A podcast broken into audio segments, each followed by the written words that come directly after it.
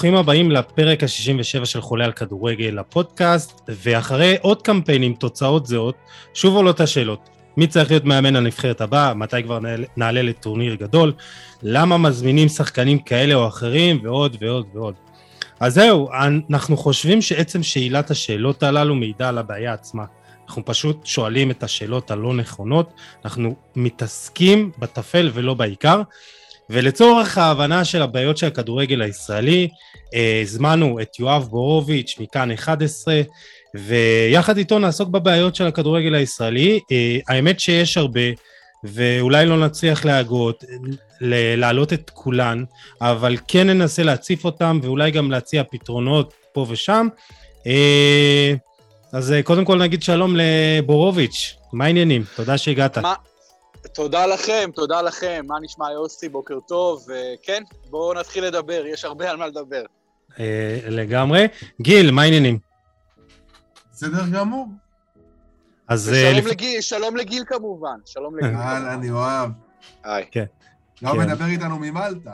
כן, אז הכל מגיע בדיליי. אה, טוב, אז לפני שנתחיל, חברים, שתי הודעות קצרות שמאוד חשוב לנו להעביר. אה, אני רוצה להזכיר לכם שאם אתם מחפשים חשיפה של אלפי לקוחות פוטנציאליים לעסק שלכם בפודקאסט ובדף הפייסבוק של חולה על כדורגל ובשאר פלטפורמות, אה, אתם מוזמנים לדבר איתנו בפרטי, לשלוח הודעה פרטית לדף או אליי יוסי עדני או לגיל כנל אה, ואנחנו נשמח לדבר איתכם על החבילות המעולות שיש לנו. חבילות נורא משתלמות, אתם מקבלים הרבה ואנחנו מחפשים אנשים טובים לעשות איתם את הדרך. ביחד ולגדול יחד. אה, וגם, הודעה שנייה, אני רוצה להזכיר לכם על הערב צפייה מיוחד, שהולך להיות לנו בקרוב בתאריך מאוד מאוד מיוחד עבורנו. אה, הערב כולל צפייה במשחק גדול, אלכוהול, נשנושים וגם קצת דיבורים על כדורגל. יהיו גם הפתעות במהלך הערב, אז יהיה שווה לכם להגיע. ובתחילת שבוע הבא אנחנו נחשוף את כל הפרטים, אז uh, stay tuned כמו שאומרים, uh, ובורוביץ' uh, כמובן uh, גם uh, יהיה מוזמן, אז uh, בורוביץ' אתה גם מוזמן להגיע. אנחנו נעדכן אותך לגבי הפרטים אחר כך. תודה רבה, אני אשמח, אני אשמח לבוא. יאללה, מעולה. טוב, אז אחרי ההקדמה הארוכה הזאת, בואו נתחיל. Uh, יואב, זה נראה שאנחנו בכל פעם, בכל קמפיין, אנחנו רוצים שהתוצאה תהיה שונה. כלומר, אנחנו רוצים לעלות לטורניר גדול, יורו, מונדיאל, זה לא משנה, תמיד יש לנו איזה שאיפות וציפיות והכול. ו... אבל אנחנו תמיד עושים את אותו הדבר, ואתה יודע, אז למה בכלל אנחנו, אה, אתה יודע, לא, לא, לא מסתכלים ולא, אתה יודע, לא, לא משנים את הדרך. כאילו, אנחנו כל הזמן מצפים שהתוצאה תהיה שונה, אבל אנחנו עושים אותו הדבר. אז כאילו, מה זה הופך אותנו? למה זה הופך אותנו בכלל? אה, כן, אלברט איינשטיין אמר בזמנו שטירוף או טמטום זה לעשות כל הזמן את אותו דבר ולצפות שהתוצאה תהיה. אה, ובמובן הזה אני חושב אולי באמת שאתה צודק, אבל האמת היא שאנחנו כן מנסים לשנות במאמנים נגיד, כל פעם מאמן אחר שמשחק עם שיטות אחרות, אה, אבל התוצאה היא תמיד תמיד זהה, ורק כדי שבאמת יבינו מה התוצאה, התוצאה היא שבמשך יותר מחמישים שנה אנחנו מדברים על 13 קמפיינים למונדיאלים ועוד שבעה קמפיינים ליורו, בסך הכל 20 קמפיינים, בכולם לא הצלחנו להפיל, בכולם בסופו של דבר אה, נכשלנו, וצריך להבין עוד משהו, כדורגל מכל משחקי הכדור הגדולים, זה הספורט עם הכי הרבה הפתעות. זה יש ספר מעולה של סטטיסטיקות כדורגל, זה נקרא The Numbers Game, יצא נכון. לפני 7-8 שנים, מבחינתי זה תנ"ך. זה ספר שלמדתי בו המון על כדורגל ועל מה קורה במשחק הכדורגל. למשל, למדתי שם ש-26, תמיד, תמיד, תמיד, תיקו, ההסתברות של תיקו במשחק כדורגל זה 26 אחוז. תלכו על פני ליגות, על פני שנים, 26 אחוז. אחד, אחד מארבעה משחקים זה תיקו. עוד משהו שלמדתי בספר הזה, זה שבליגה הישראלית, ובליגה הקולומביאנית, בבין 200 ליגות בכירות בעולם, יש את הכי הרבה עבירות. אין עוד אף ליגה בעולם שיש יותר עבירות במשך שנים מהליגה שלנו, יותר עצירות משחק. אז זה סתם דברים קטנים שככה נכון, לפעמים זה אנחנו... נכון, אבל זה נכון לאיזה שנה? זה נכון על פני שנים, על פני שנים. הספר הזה שיצא באנגליה ונמכר בכל העולם ציין בצורה, אתה יודע, ממש יוצאת דופן, אמר הליגות עם הכי הרבה עבירות במשחק כדורגל, זה הליגה הישראלית והליגה הקולומביאנית, והיה להם איזו תיאוריה שאלימות מחוץ למגרש מביאה לאלימות בתוך המגרש. אמרו בחברה הקולומביאנית ובחברה הישראלית, הם חשבו כך, ככה הם מתארים את זה. יש הרבה הרבה אלימות, הרבה עצבים, הרבה זה, אז זה גם ניכר במגרש הכדורגל, לראיה, הכי הרבה עבירות מכל העולם. לא משנה, אז ב- ב- בספר הזה, אחד הדברים הכי חשובים, והם פותחים איתו, הם אומרים ומסבירים ומראים נתונים ומחקרים ומה שאתם לא רוצים, שמשחק הכדורגל, יש בו הכי הרבה הפתעות. למה אני מציין את זה? אני מציין את זה כדי להגיד שבחמישים שנה, ב-20 קמפיינים, במשחק שהוא מלכתחילה אינהרנטי, יש בו הרבה יותר הפתעות מאשר כדורסל, כדורעף, בייסבול, כדוריד, פוטבול, הכל. גם במשחק הזה, אנחנו אף פעם לא מצליחים להפתיע בקמפיין, אף פעם, והיו נבחרות כבר הרבה יותר חלשות מאיתנו, ממדינות הרבה יותר קטנות, מדינות... לטביה, כן, אתה, אנחנו זוכרים את לטביה. וצפון מקדוניה, ואלבניה. נכון, ו... זה, זה אבל, זה, אני, אני חושב שזה מה שהופך את הכדורגל לספורט הכי פופולרי בעולם, זה שאתה יודע, בניגוד לכדורסל, אה, לא בהכרח הקבוצה היותר טובה, או ה... אין, באמת הגדרה ליותר טובה, ליותר טוב בכדורגל. אומרת, אתה יכול לנצח ולא להיות יותר טוב. ובניגוד לכדורגל... נכון. שבדרך כלל, שאתה לא תראה קבוצה מליגה נמוכה, למשל, או נבחרת אה, קטנה מפתיעה את אחת האימפריות. לא תראה את זה כנראה. כי אין מה לעשות, הפערים הם יותר גדולים, אבל אני חושב ש... כן, משחקים נקודתיים, אתה יודע, כל קמפיין, כן יש לך את המשחק הזה שאתה מפתיע בו. זה שאתה נותן פתאום חמישייה לאוסטריה, זה מפתיע. תמיד גם בקמפיין הקודם, שנתת להם 4-2, אה, וגם אה, נגד בוסניה פה בסמי עופר, אה, ותמיד יש לך את ההבלחה הזאת, אבל אתה יודע, לאורך זמן, לאורך קמפיין, בסופו של דבר הפערים מתגלים כאילו תוך כדי, אין מה לעשות. כאילו שזה בשיטת ליגה, אז אתה לא יכול להפתיע בכל משחק. אין ספק, אין ספק גיל, אבל uh, גם בקמפיין צריך להבין, זה קמפיין יחסית קצר, זה קמפיינים של שמונה או עשרה משחקים, ולכן אתה רואה מדי, כמעט כל קמפיין, תשים לב, תסתכל בכל הבתים, תמיד תראה איזה הפתעה או שתיים ענקיות של נבחרות שמעפילות, נבחרות שאף אחד לא האמין שיעפילו ומעפילות, לפעמים זה נבחרות יותר חלשות מאיתנו, אז מה אני בא להגיד? אני בא להגיד שמעבר לזה שאנחנו תמיד תמיד מאכזבים, ואתה אומר, אוקיי, אנחנו פשוט לא מספיק טובים, שזה נכון, מעבר לדבר הזה, יש גם את אפקט הלוזריות. מה זה לוזריות? זה חולשה מנטלית שלא מאפשרת לך להפיק את מה שאתה שווה. אתה מפיק אפילו פחות ממה שאתה שווה, אתה קורס ברגעי האמת. שים לב, שימו לב, כמעט תמיד משחקים של הנבחרת, אנחנו מבקיעים, ואחרי שאנחנו מבקיעים כמעט תמיד עוברות כמה דקות אנחנו סופגים. כלומר, הפריחות המנטלית הזו היא גם חלק מהסיפור הגדול. ואני לא מדבר על קמפיין אחד, על משחק אחד, על, על שלוש-ארבע שנים. אני מדבר על שנים על שנים של תופעות שחוזרות על עצמן, של חולשה מנטלית ושל אכזבה. חולשה מנטלית, אכזבה, חוסר יכולת להפיל, אה, וקושי מאוד מאוד מאוד גדול, כמעט טוטאלי לנצח נבחרת שעל הנייר יותר טובה ממך. זה מאוד, זה קורה מעט מאוד פעמים. נכון, זה קרה עכשיו עם אוסטריה. כן, גיל, אז אתה אומר שבנוסף להכל פשוט גם אין לנו מזל. שזה קשור לזה לא, שאנחנו... זה לא בהכרח מזל, אני חושב שהוא מקבל... יש תחושה שהנבחרת ברגע שהיא מובילה היא קצת היא קצת נבלת, היא קצת נבלת מה... מהעמדה ש... מה, מה, מהגול שהיא כבשה, אז, נכון, י... נכון. אז יאללה, אני זורם איתכם. סתם, אני, לא אני, סתם, אני... מקבל הרבה גולים ישר כן. אחרי שאתה סופג, או בדקות אחרונות. אז בואו בוא אני אתן לכם נתונים שבעצם, אה, סליחה גיל, אה, של נתונים שבעצם גם תומכים בטענה שלך, אה, בורוביץ'. יזהר קישון העלה בטוויטר שלו, את הסיכום של הנקודות בין סיבובים, סיבוב ראשון לסיבוב שני. במוקדמות יהיו 2016, סיבוב ראשון, 9, מתוך, 9 נקודות מתוך 15, סיבוב שני, 4 מתוך 15, מוקדמות מונדיאל 2018, סיבוב ראשון, 9 נקודות מתוך 15, סיבוב שני, רק 3, אה, יורו 2020, סיבוב ראשון, 8 נקודות, סיבוב שני, 3, ומוקדמות מונדיאל 2022, סיבוב ראשון מדהים, עשר נקודות מתוך חמש עשרה, סיבוב שני רק שש.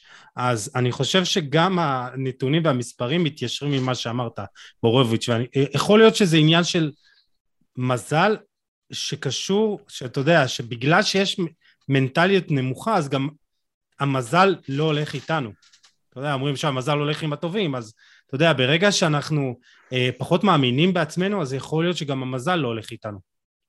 תראה, אני לא חושב שכל כך צריך לדבר בינתיים על מזל, כי אם אתה רואה, ו- וכל בן אדם רואה את זה בעיניים, שכל פעם שאנחנו, בקמפיין הזה זה היה הכי מודגש, אני חושב, שכל פעם שאנחנו כובשים, אנחנו כמעט לאחר, לאחר כמה דקות סופגים, זה דבר בלתי ייאמן, זה, זה כאילו, זה נבחרת שמפחדת מעצמה, שמפחדת להצליח, שמפחדת להיות ה top dog, שמפחדת, שמפחדת להוליך, ו- ואתה רואה את זה כל פעם, כל פעם, איזושהי גישה כזו, שאני חושב ששנים, שנים אני מזהה אותה עם הנבחרת, של גישה שאין חדוות משחק. אני אגיד לכם, אני אספר לכם עוד אנקדוטה קטנה, לפני הרבה שנים פרש אבית אלימלך, עשיתי איתו, אה, עשיתי איתו אה, רעיון לעיתון העיר, שעוד היה קיים, ישבתי איתו בית קפה שעתיים, ואמרתי לו, והוא סיכם את הדברים החיוביים והלא חיוביים בקריירה שלו. והיה לו קריירה מאוד מפוארת לשביט אלימלך וארוכה. והוא אמר לי, ואמרתי לו, ממה לא נהנית בנבחרת, בקריירה? ואז הוא אמר, אני אגיד לך מה, מנבחרת ישראל. אמרתי לו, מה אתה מתכוון? הוא אמר לי, תקשיב, אני הרבה פעמים זומנתי לנבחרת. הוא אומר, אף פעם לא כיף, לא היה, אומר, לא היה לי ולא היה לחברים של השחקנים האחרים כיף בנבחרת. אומר, יש משהו סביב הדבר הזה שהוא אף פעם לא כיף לך, הוא אף פעם לא בא לך לטוב, הוא אומר, אני צריך להסתכל על הקריירה. דווקא, דווקא אני, אני חושב שזה היה נכון, זה היה נכון לתקופה ההיא, וזה היה נכון אה, עד לתקופה של האוסטרים, אני חושב שמהתקופה של האוסטרים, וגם השחקנים מעידים על זה, שהרבה יותר, ואני מאמין להם, בקטע הזה אני לגמרי מאמין בהם, ואתה רואה גם את התמיכה שלהם בווילי, אתה יודע שיגידו שזה ממקומם, שלא ממקומם, אתה יודע, שחקנים, אם צריכים לדבר, לא צריכים לדבר על מאמן, אני חושב שהם יכולים להביע את דעתם, ואני רואה איך הם מדברים על, על, על ווילי, ואיך הם, ומה שהם אומרים, ועל האווירה שיש בנבחרת, וזה ש, זה שאחרי הרבה שנים, אחרי הרבה קמפיינים, יש לך סוג של היררכיה, אתה יודע גם מי משחק, אתה יודע מי שחקני הרכב, אתה יודע מי שחקני ספסל, זה דברים שגם כן עוזרים לאווירה, אתה מבין? פעם זה לא היה, לא היה את הדברים האלה. אז אני חושב שדווקא עכשיו כן יש, כן יש שיפור בקטע הזה. אז אה, בואו אני אגיד לכם משהו, כן, בורוביץ'. אתם מכירים את הידיעה שכבר רצה שנים על גבי שנים, מה תמיד, לא אווירה מצוינת בנבחרת. כן, בורוביץ' לא שומעים אותך טוב כל כך. כן. כן, כן. אתם, אתם, מכירים את ה, אתם מכירים את הידיעה הזו שרצה שנים על גבי שנים, שתמיד אה, יוצאת כותרת כזו, אווירה מצוינת בנבחרת? תמיד כאילו יש את העיתונאים שאומרים, יש אווירה מצוינת בנבחרת. תראו, מה ששביט אלימלך בזמנו דיבר איתי, הוא לא דיבר איתי על אווירה לא טובה. הוא דיבר איתי על זה שהוא אומר, לא עושים את הנבחרת כיף לשחקנים. אומר, תמיד, תמיד יש את הלחץ הזה, את הביקורות המטורפות האלה, ותמיד יש כזה בגד שלילי כזה, תמיד יש דברים, יותר מדי דברים ש... ותמיד יש, כי הנבחרת כמעט לא מצליחה אף פעם, ותמיד יוצאים עליה בסוף, ותמיד קוטלים, ותמיד שונאים, ותמיד נמאס לאנשים, והשחקנים מרגישים בתוך הנבחרת מין אווירה של... ובצדק אני מבין כך הוא אמר, ואני חושב שזה משהו שבאמת הנבחרת הרבה שנים, בין אם האווירה בתוך חדר הלבשה היא טובה או לא טובה, לפחות, לפחות העניין. העניין הוא שהנבחרת מול החיצוני, מולנו, מול האוהדים שלה, מול אזרחי ישראל, מול uh, חובבי הספורט, חובבי הכדורגל, תמיד יש מתח שלילי כזה, ותמיד יש המון המון המון ביקורת חריפה ושלילית, משטרת ישראל. זה מה ש... ככה אני רואה את זה גם. טוב, אז אני חייב... אה, אני מסכים עם מה שאמרתם, אבל אני שוב, אני חושב שזה הנושא חלו, הכי פשוט. התחלנו מראש הפירמידה. נכון, ואני חושב שאנחנו אה, מתעסקים, עצם העיסוק הזה, אה, הוא פשוט מדגיש את הבעיה העמוקה שיש לנו בנבחרת. כלומר, אנחנו תמיד מתעסקים עכשיו, טוב, מי יחליף את ווילי? מי יהיה במקום ווילי? הוא צריך להמשיך, אם הוא צריך להיות רק מנהל מקצועי, אה, אם זה צריך להיות מאמן זר, או רן בן שמעון, או אלון חזן. ואנחנו לא מתעסקים בכלל אה, במי הולך להיות המאמן של הילד בן שש עכשיו אה, בדימונה, קריית שמונה, ירושלים, תל אביב, והולך לאמן אותו שבעוד חמש עשרה שנה הילד הזה הולך להיות השחקן נבחרת, זה שצריך להוביל את הנבחרת. ואנחנו עסוקים באמת אה, גם בסיקור התקשורתי, ודיברתי איתך על זה, בורוביץ', של... אה, אה, למה ביברס נטחו למשל, לא, אה, למה הוא משחק? אנחנו שואלים אותו, באמת כאילו אנחנו עסוקים למה הוא משחק, למה הוא מוזמן ומשחק. אנחנו, שואל, אנחנו לא שואלים למה ווילי רוצה אותו בנבחרת. למה הדיון לא יכול להיות ענייני ומקצועי? למה הוא צריך להיות אישי? למה אז אתה מבין? אנחנו צריכים, אנחנו תמיד עוסקים ב, ב, בשלילי ובטפל ואנחנו עסוקים למשל גם בבניית אצטדיונים אה, גדולים אה, שיש לנו את בלומפילד החדש ואת טדי מחודש עוד מעט מתישהו ואת סמי עופר חדש וזה יפה וזה חשוב אבל אנחנו נדבר על המספרים על כמות המתקנים הנמוכה בצורה משמעותית. ואני חושב שברגע שאנחנו באמת נעסוק ונשאל את השאלות החשובות, למה המאמנים פה הרמה שלהם מאוד נמוכה, למה נצלול עוד מעט לעומק, אבל אני חושב שברגע שנשאל באמת את השאלות הנכונות, מה באמת חשוב לפיתוח של השחקן הישראלי מגיל חמש, שש והלאה, אנחנו גם נקבל נבחרת בוגרת הרבה יותר טובה. והיא תהיה יותר חזקה ויותר... אה, אה, יוסי, התחילו, התחילו כן. לחשוב ככה. אני יכול להגיד לך שהתחילו לחשוב ככה, יש במחלקות הנוער היום המון מנהלים מקצועיים טובים, אנחנו דיברנו, זוכר שדיברנו עם עומר בוקסנבוים, אה, נכון. והוא לא, והוא לא היחיד, הוא לא היחיד. יש המון מנהלים מקצועיים טובים, ואני חושב שהשיח השיח לגבי כדורגל כן השתנה. זאת אומרת, הוא כן, הוא כן השתנה ב... בשנים האחרונות, ואנחנו רואים גם עלייה בכמות של השחקנים הרשומים בהתאחדות לכדורגל. ותשמע, אני חושב שאתה יודע, מנסים לצייר איזושהי תמונה שהיא שחורה לחלוטין, אבל בוא, בוא, בוא אני אקריא לך את, את הנבחרות שהפילו מקום ראשון שני כאילו מהבתים באירופה, סרביה ופורטוגל, ספרד ושוודיה, שווייץ ואיטליה, צרפת ואוקראינה, בלגיה וווילס, דנמרק וסקוטלנד, הולנד וטורקיה, קרואטיה ורוסיה, אנגליה ופולין וגרמניה וצפון מקדוניה. ממי אנחנו יותר טובים? באמת, ממי, מי היית מוציא? זה, אה, זה מה שאני אומר. כל הנבחרות אתה... האלה, כל הנבחרות האלה, הן מושתתות על כמעט, על, על כל השחקנים שלהם בהרכב, בהרכב משחקים נכון. באחת מחמש הליגות הגדולות, לנו יש שניים בהרכב סך הכל, שגם הם שחקני ספסל. אז מה, נכון. ועוד אנחנו מסיימים מעל אוסטריה בבית. זה מקום שלישי, לא מקום רביעי. כן, אז בורוביץ', מה, אתה חושב שבאמת אנחנו גם מתעסקים בדברים הלא חשובים, כי אנחנו מצפים מהנבחרת להשיג משהו שהיא פשוט לא מסוגלת? אני חושב שאתם צודקים ואנחנו מתעסקים בדברים הלא חשובים ואיך שאנחנו אה, עוקבים אחר הכדורגל ומסקרים כדורגל יום יום, יום חודש חודש, שנה שנה, זה באמת אה, יותר התמקדות בטפל. כי כשאנחנו באים לנתח את מצב הכדורגל הישראלי, והתוצאה הסופית היא באמת הנבחרת כושלת 50 שנה, הקבוצות גם כן לא מצליחות, זה המצב הסופי.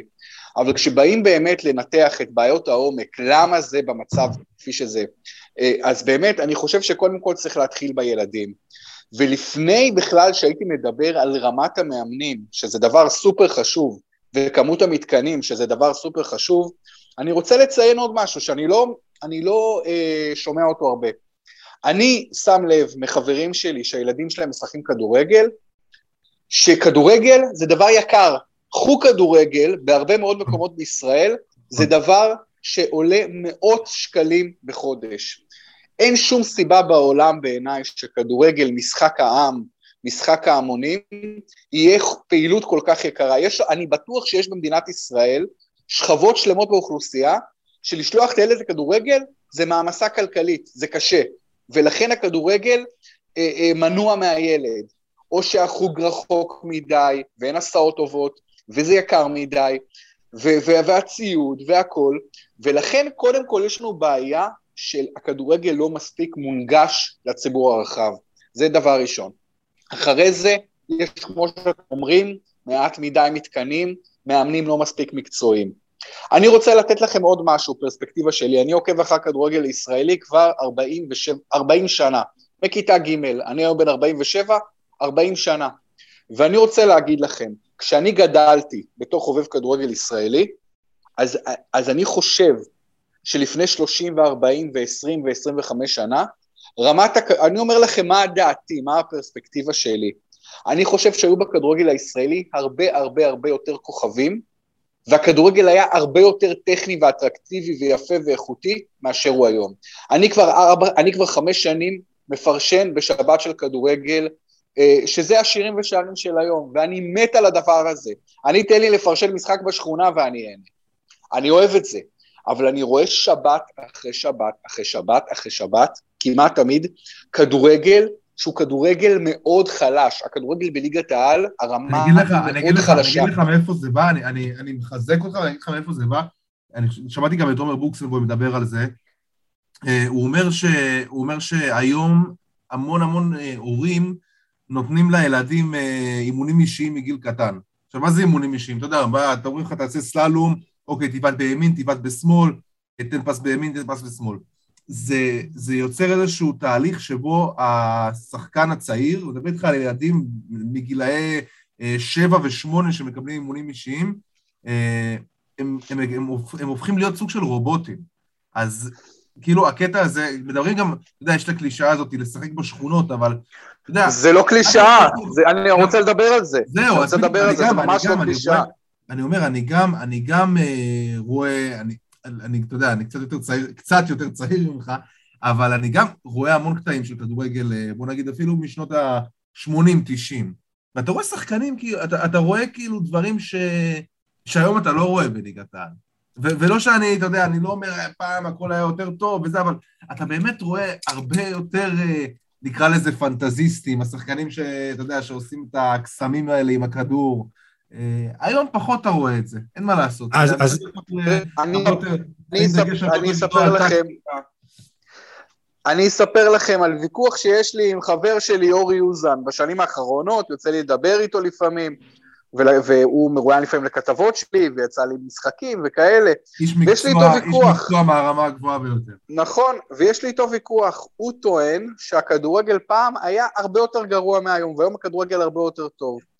ואני אומר לו, אורי, פה בישראל? פה בישראל? פה בישראל, אוקיי. פה בישראל, פה בישראל, ואני אומר לו, תקשיב, פעם בכל קבוצה בכדורגל הישראלי היו כמה כוכבים ולפעמים כוכבי על ישראלים, אני מדבר על קבוצות אפילו כמו בני יהודה ושמשון תל אביב והפועל לוד ואיפה שאתם לא, והפועל, שאתם לא רוצים ומה שאתם אמרתם, אני, ובאמת פעם היו, לפי דעתי, הרבה הרבה יותר שחקנים מוכשרים ישראלים, שלא לדבר על שחקנים כמו מלמיליאן וסיני וראובן עטר, איפה יש לנו היום כמעט את... אין לנו את השחקנים האלה, חברים, אין לנו, הם לא קיימים היום. בגלל מה שאמרת, גיל, הסיבה העיקרית, אני חושב, העיקרית, ואני לא חושב שזו קלישאה, ואני חושב שזה משהו שהוא פשוט אסון לכדורגל, וזה שכדורגל השכונות וכדורגל הרחוב וכדורגל הבטון, נעלם מחיי הקהילה הישראלית. כשאני הייתי ילד, כל ילד שאהב ספורט היה משחק כדורגל, מצאת החמה והצאת הנשמה כמעט. וגם אנשים שבחיים לא היו רואים קבוצה ולא שיחקו במועדון, היו ברמת השכונה כדורגלנים נהדרים. אני בשכונה שלי, גדל אמיר שלח, כמה שנים מעליי, לימים היה שיאן הופעות, נתן המון המון הופעות בנבחרת ישראל, ובאותה שכונה שלי אני מכיר חמישה עשרה ילדים בגיל של אמיר שלח, שהיו שחקנים הרבה הרבה יותר טובים מאמיר שלח. רק לא היה להם את האופי ואת הנחישות ולא היו בקבוצה, אבל היו שחקנים בכמה רמות יותר טובים ממנו. רמת הכישרון בשכונה הייתה מטורפת. היו שחקנים מדהימים ברמת השכונה, והעילית שבהם, הטובים שבהם, הגיעו למועדונים, ואז הפכו לכוכבי על. והיום אין כדורגל בשכונות, אני הולך, אני גר בגבעתיים, ברמת גן, אני הולך לפתח תקווה, אני הולך לבני ברק, אני הולך לכל מקום, ואני לא רואה ילדים משחקים כדורגל, אני לא רואה את זה כמעט. ואיך ילד יהפוך להיות שחקן גדול, אם מגיל שש הוא לא ברחוב משחק שש, שבע, שמונה שעות ביום. שם אתה רוכש את המיומנויות להיות שחקן גדול, שם אתה מקבל את הטכניקה, את הקשיחות, על לשחק מול ילדים גדולים, את הווינריות, את ה... את לשחק על שטח קטן, את כל הדברים אתה מקבל שם, זה החינוך האמיתי. החינוך הוא לא באקדמיה, זה כבר הרבה הרבה יותר, זה כבר השכלה גבוהה. זה כבר השכלה גבוהה. לפני השכלה גבוהה צריכה, צריכה להיות, אתה רוצה שבן אדם יהיה מחונך ומשכיל, קודם כל הוא צריך לקבל בבית את החינוך. אין בישראל, לצערי, כבר הרבה שנים, את החינוך הבסיסי בכדורגל, כי ילדים לא משחקים ברחובות. ואחרי זה זה יקר להגיע לחוג, ואחרי זה כל הבסיס שלך משתנה, ולכן היום לדעתי, ולפי מה שאני רואה בעיניים שלי, יש הרבה פחות כדורגלנים טובים מאשר פעם, נכון שעדיין יש, אבל הרבה הרבה הרבה פחות, וזה דבר שמאוד פוגע בכדורגל שלנו מן הסתם. טוב, אז אני אגיד לכם, אני כן מסכים איתכם שבאמת היום הנוער הוא הרבה יותר, אה, אה, הרבה פחות פעיל מאשר היה בעבר. ויש המון גירויים, ואתה צריך באמת, הם כל הזמן במסכים, ו- ו- וטלוויזיה, נכון. ובאמת הוא הרבה... אני זוכר באמת, היינו יורדים כל הזמן בחוץ לשחק, ואז מהפכה טכנולוגית, ובאמת אורח החיים שלנו בכללי נהיה יותר ישבני ופחות פעיל. אמ, נכון. אבל אני חושב שבסופו של דבר זה תהליכים שקורים בכל העולם. וברגע שאנחנו לא מבינים שגם אנחנו צריכים להשתנות, אז אנחנו נשארים עוד יותר מאחור. כלומר, אה, אה, אנחנו לא מתקדמים בחשיבה שלנו להביא את הילדים למצב שהם יותר אה, פעילים, מקבלים תכנים יותר טובים. אה, ובעוד שהכדורגל, ובעוד שהכדורגל מתקדם גם מבחינה מדעית וגם מבחינה של באמת להבין מה הילד צריך, אנחנו נשארים מאחור. ואנחנו לא מתקדמים ולא באמת מבינים מה אנחנו צריכים לעשות בשביל אה, להיות שם. והפערים אין מה לעשות. אה, אתה יודע אה, נהיים גדולים יותר. ואני רוצה גם אה, אתה יודע לקחת אותך מה שאמרת בהתחלה בורוביץ' על הכדורגל יקר. אני מבין את זה כדורגל נהיה יקר אבל מה שאותי מרתיח זה שהילדים בכלל אם כבר אם, אם הם היו מקבלים תמורה לכסף הזה, שהיום חוג כדורגל להירשם לקבוצה זה 4,500, 5,000 אה, שקל בשנה, אם הם היו לפחות מקבלים, אתה יודע, את, ה, את הבסיס, את המעטפת הזאת. לוסי, אני שיחקתי, אני שיחקתי ב... ב... לא רוצה להכפיש עכשיו, כי אני באמת אוהב את המועדון הזה. שיחקתי בצפירים חולון, כבר המועדון לא כל כך קיים, אז אפשר... שיחקתי בתור ילד. ותשמע, גם שילמתי את הסכומים האלה שאתה אומר, זה לא זוכר, 4,000, 5,000 שקל בשנה, ההורים שלי שילמו, שילמו לי. ותשמע, אני זוכר, שיחקנו במגרש, הוא היה ארגז חול. יוסי, ארגז חול, ליטרלי, כאילו, עם, עם, עם, עם, קרחות, עם קרחות של קצת דשא, בין, בין לבין, כאילו, זה, זה באמת, בתת תנאים, בלי מקלחות, בלי שום דבר שם, אני לא יודע איך זה היום. אני יודע להגיד מהחוויה שלי, אוקיי, ש, שהיה קשה מאוד, קשה מאוד להתפתח ב... במקום הזה, וכן, אתה אומר, אתה אומר, אתה רוצה לקבל תמורה באמת לדבר הזה. אתה רוצה לקבל אימונים ברמה גבוהה, ואני יכול להגיד לך שהאימונים, הם היו תמיד אה, חוזרים על עצמם, תמיד איזושהי רוטינה כזאת. אה, דיברנו אז בזמנו עם אה, דוקטור ורטיים, שהוא נכון. דיבר על, על, על אימון, ואיך צריך להיראות אימון, ואיך צריך לה, ל, ל, לאתגר אה, שחקן צעיר, את היכולת המחשבתית שלו, הקורדינטיבית שלו. אני אומר, בואנה, מה זה, זה, זה, זה עולם אחר, כאילו, זה לא היה לי הדברים, אתה יודע, כאילו, אמרו לי, אוקיי, עכשיו תמסור ימינה, בוא, תבוא, הרמה, כאילו, כאלה. הכל נורא רובוטי, הכל בתנאים שהם לא, לא אופטימליים לכדורגל.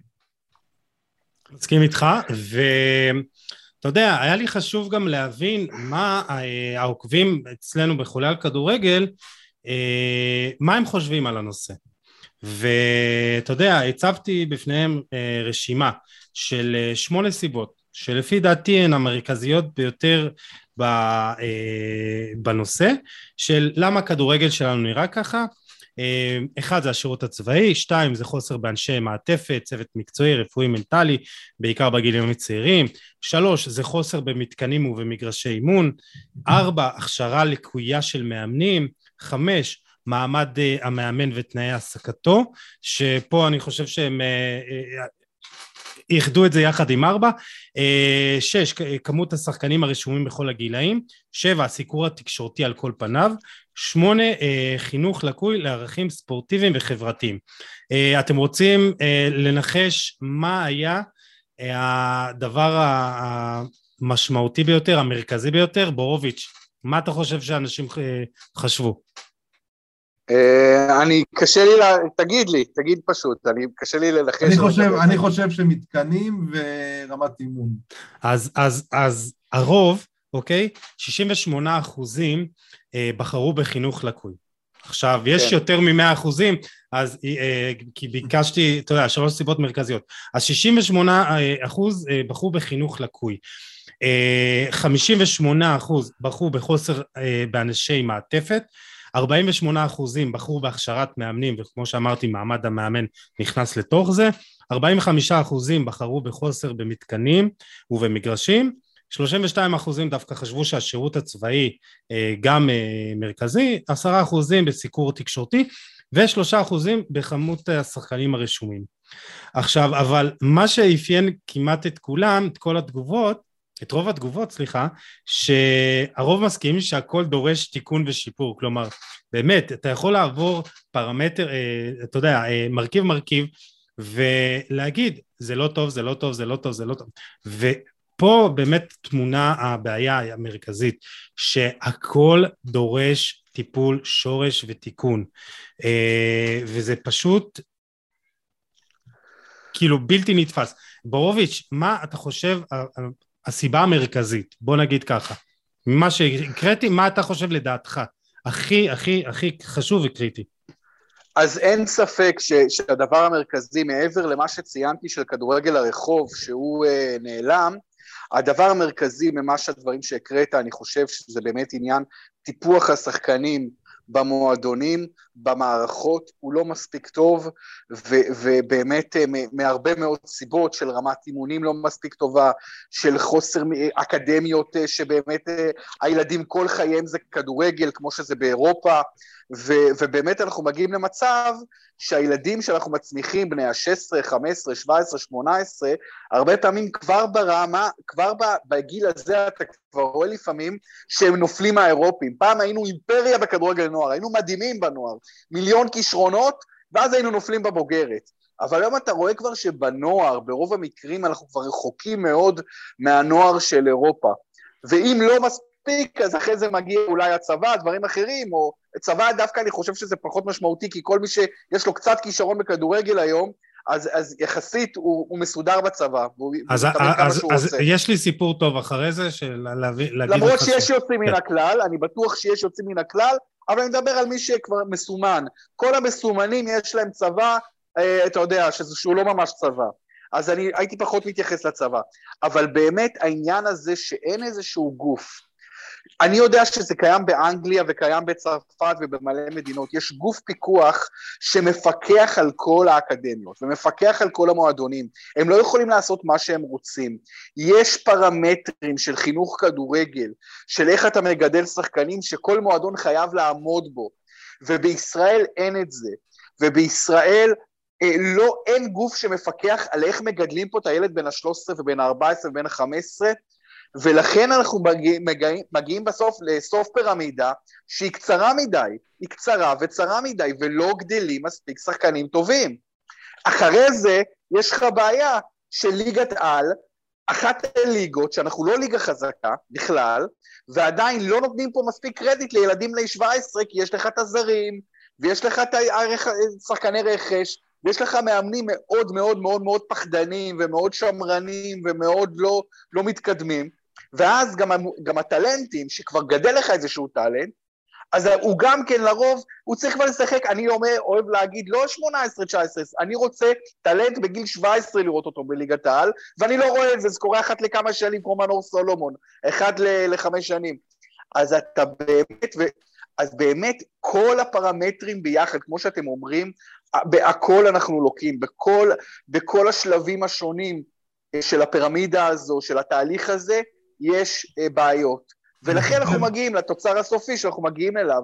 השאלה, עכשיו אתם רוצים אולי לדבר, איך באמת צריך לעשות את, ה, את השינוי, והאם אפשר בישראל לעשות את השינוי? זו השאלה המשמעותית מבחינתי. כן, אז, אז בוא, בוא לפני שנגיע לפתרון, גיל, אה, בוא תגיד לי אתה מה אתה חושב, כאילו, מה, מה הסיבה המרכזית לפי דעתך?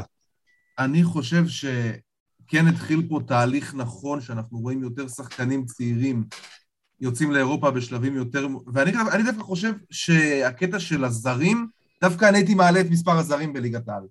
הייתי הופך אותה לליגה שאין מה לעשות, היא ליגה יותר איכותית. אני חושב שאם יהיו יותר זרים, ליגת העל תהיה יותר איכותית, זה יגרום לשחקן הישראלי להוציא מעצמו יותר, זה לא יוזיל את, את, אה, את, את ה... להגיע לליגת העל או ליגה לאומית. אני חושב שאין שום הצדקה כיום ל-16 קבוצות בליגה לאומית ולא ל-14 קבוצות בליגת העל. אוקיי? אני חושב שזה כן יפה מה שעושים מועדונים כמו מכבי תל אביב ומכבי חיפה, שבעצם אתה רואה כבר כמעט ואין חריגי גיל בנוער, אתה יודע, מי, שטוב, מי שטוב המשחק בליגה הלאומית, אם זה מכבי חיפה בהפועל עפולה, אם זה מכבי תל אביב וביתר תל אביב בת ים, אז כן יש תהליך כזה טוב. אנחנו רואים שחקנים ישראלים שיוצאים לאירופה בשלב מוקדם, זה עושה להם פלאים, אין מה לעשות. אתה רואה את טי עבד מהנבחרת, מנבחרת הנוער, אתה רואה איך הוא חוזר, מה שהוא מקבל באיינדובן. צריך לצאת, צריך לעודד אותם לצאת, ומי שיהיה מספיק טוב, יצא או שישחק פה בליגה, אני לא חושב ש... אני לא חושב שמאמנים פה בוחרים שחקנים על, על פי תעודות זהות. אני חושב שבאמת אם אתה שחקן טוב, אנחנו רואים את זה אה, לראייה, אנחנו רואים את זה במכבי פתח תקווה, אנחנו רואים את זה בהפועל תל אביב. כן מי שטוב, כן שחקנים צעירים מקבלים את הצ'אנס, חבר'ה. זה, זה לא... אני לא חושב שזה נכון להגיד ששחקנים צעיר, צעירים בהכרח לא משחקים ולא מקבלים את הצ'אנסים. אני דווקא כן רואה את זה. אני חושב שלא צריך גם לדחוף לזה שיאללה. לא, לא מספיק, לא מספיק מבחינתי. אני חושב ש... אתם יודעים, חברים, אתם יודעים עוד משהו ששכחתי, ותגידו לי אם אתם שומעים את זה, כי אני שומע את זה מהמון המון אבות, המון הורים בשנים האחרונות. המון הורים שהילדים שלהם משחקים כדורגל אומרים לי, וגם במועדונים גדולים, אומרים לי, תקשיב, הילד יכול להיות יותר טוב מילדים אחרים, אבל אם אין לך את הקומבינה עם המאמן, או עם ההנהלה המקצועית, או בתוך המועדון, אז המון המון פעמים ילדים פחות טובים יקבלו יותר הזדמנויות מילדים זה בגלל, בגלל קונקשן למאמן או דברים כאלה. גם זה אני שומע מהמון מקומות שונים, כלומר זו תופעה שהיא גם כן קיימת במובן מסוים, שאין מריטוקרטיה בשלבים היותר נמוכים, היותר זה, ולא תמיד הילדים הכי טובים זה הילדים שמשחקים, כלומר, זה גם משהו ש, שאני שומע עליו לפעמים. כן, גיל, תמשיך. אז אני חושב שפשוט, אתה יודע, אנחנו... אני חושב שפשוט שחקנים צעירים צריכים לצאת בשלבים כמה שיותר מוקדמים, אה, כמה שיותר מוקדמים לאירופה, אבל אה, מה השאלה? מה, מה, כאילו... טוב, אז, אז אני אקח את זה, אני אקח את זה. עוד להגיד על זה. אז, אז אני, אני, אני מרגיש שאני... אני כל הזמן מחזיר אתכם אחורה. אבל אה, בואו לא נלך יותר מדי אחורה, ובורוביץ', אה, הזכרת צבא, ואתה חושב שבאמת צבא לא באמת, אה, הוא לא גורם מגביל יותר מדי, ויש מסתדרים, אז בוא אני אספר לך סיפור שקרה, ששמענו לאחרונה, וזה היה עם רעיון ש... שערכנו בפודקאסט עם קורל חזן. קורל היא חלוצה נבחרת ישראל, וליגיונרת משחקת בסגנית אלופת קרואטיה, ספליט, אה, כישרון באמת אה, גדול והיה להם אה, טורניר, היא מספרת היא בת 22 ועברה שתי פציעות אה, רצועה צולבת, יש לה סיפור מדהים, ואם לא שמעתם את הפרק עם אה, קורל, אתם חייבים לשמוע, זה סיפור מעורר השראה. אה, בת 22, אחרי שתי פציעות בברכיים, רצועות צולבות, חזרה לשחק, והגיעה נבחרת וליגיונרת. אז היא מספרת שלפני טורניר U19 של הנבחרות, מוקדמות אליפות אירופה לנערות, ולא הצליחו לדחות לה את הגיוס. היא התגייסה לחודש טירונות ושחקנית נבחרת, ספורטאית מצטיינת. היא התגייסה לחודש ובטירונות אתה לא ישן כמו שצריך, אתה לא אוכל, לא, לא, לא מתאמן, לא, לא עושה כלום. ומה שהיא עשתה במשך שנתיים רצופות באקדמיה בווינגייט פשוט הלך לפח. והיא סיימה את הטירונות וחזרה לנבחרת לקראת המשחקים, לקראת המוקדמות ואחרי זה שני אימונים אה, פשוט הגוף שלה קרס הוא קרס מנטלית ופיזית והיא אה, נפצעה וקרעה את הרצועה, היא הייתה צריכה ללכת אה, לניתוח, אה, לשחזור הרצועה והיא עשתה שיקום של עשרה חודשים. ואתה אומר, זו שחקנית נבחרת, שחקנית ספורטאית מצטיינת והסיפורים האלה קורים גם בכדורגל נשים וגם בכדורגל גברים. אני אני כבר 15 שנה נמצא בכדורגל אה, הישראלי, עבדתי עשור, כמעט עשור במחלקת הנוער של בית"ר ירושלים, כמאמן כושר ואחר כך בקבוצות בוגרים, ויצא לי להכיר אין ספור שחקנים שהשירות הצבאי פשוט עשה להם ברייק בקריירה. ויש את ה... דיברת על קומבינות, אה, בורוביץ', היו כאלה שלא הסתדרו, ואתה יודע, אה, היו צריכים לוותר על החלום הזה.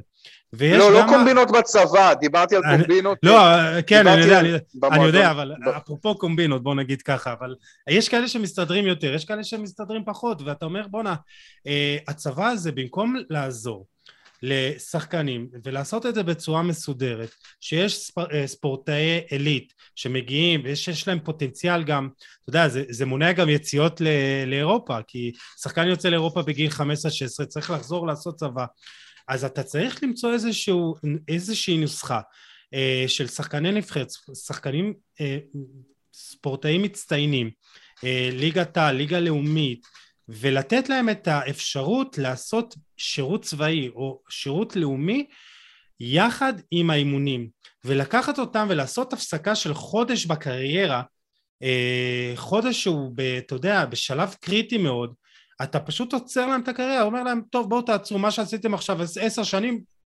תזרקו לפח. ובסופו של דבר אתה גם הורס להם את ההתקדמות, עוצר להם את ההתקדמות, וגם, אה, אה, וגם כשהם חוזרים, אז אתה פוגע להם, ב... ואתה לא נותן להם את המעטפת הזאת בחודש הזה. ו... ואז קרה, אתה יודע, קורל, מקרה של קורל הוא מצער, והוא אה, מקרה קיצון, אבל לא מעט שחקנים פשוט, אתה יודע, מוותרים על זה, או ש... אתה יודע, נעצר להם ה... אתה יודע, תמיד יש את ה... בקבוצות נוער את ההתלבטות מתי להתגייס, ואז כאלה, יש כאלה דוחים את הגיוס למרץ בשביל שיהיה להם לפחות את תחילת העונה, כמו שצריך. ומבחינתי, השירות הצבאי צריך להפוך איזושהי מהפכה. השירות בסופו של דבר, מה שרציתי, דבר אחרון, זה שהשירות בסופו של דבר, אמרת בורוביץ', הוא לא משמעותי. אתה יודע, הם הולכים איזה שעתיים בבוקר, או קמים בחמש בבוקר, ואז אין שום דבר, וזה גם קורה עכשיו, ושחקן נבחרת ישראל כיום, שהתגייס, אה, והוא עכשיו אה, חייל, אתה יודע, הוא קם בחמש לפנות בוקר כדי להספיק להיות בבסיס, ואז הוא חוזר אה, לאימונים, והוא לא נח כמו שצריך, והוא לא אוכל כמו שצריך, ואז מצפים ממנו גם שיעזור לקבוצה, אז כאילו, איך אתה מצפה שספורטאי יגדל ככה ויצליח? וזה שחקן נבחרת ישראל, אוקיי? אז קדימה. אני חושב שאתה צודק, אני חושב שבאמת אה, הצבא כן, אה, הוא בוודאי גורם ש, שלא עוזר אה, להתפתחות כדורגלנים. אין ספק, וכמו שאתה אומר, בלא מעט זה פוגע. ואולי רק כאלה שבטופ של הטופ של הטופ, באמת אה, יש להם צבא כמעט ללא הפרעה, אבל אה, אה, זה נכון. אני רק אגיד אבל בהקשר הזה שפעם המצב היה הרבה הרבה יותר גרוע מול הצבא, okay. אוקיי. ופעם היה הרבה יותר קשה לקבל ספורטאי מצטיין, והיו הרבה פחות אלוקיישנס uh, לספורטאי מצטיין, ושחקנים שהיו שחקנים מדהימים נאלצו להתמודד עם שירות הרבה יותר קשה, ו- וזה עדיין לא מנע מהכדורגל הישראלי שלנו לייצר הרבה הרבה יותר כישרונות. כי אותם שחקנים היו גם יותר קשוחים, והיה להם יותר, אה, אה, היה להם פשוט יכולות כדורגל שהם רכשו אה, בצורה יותר טובה ויותר אמיתית, בגיל שש לשחק ברחוב כל יום, שעות על גבי שעות, לשחק בשכונה. וגם גיל, אמרת לפני זה משהו מעניין על צפרים חולון שגדלת.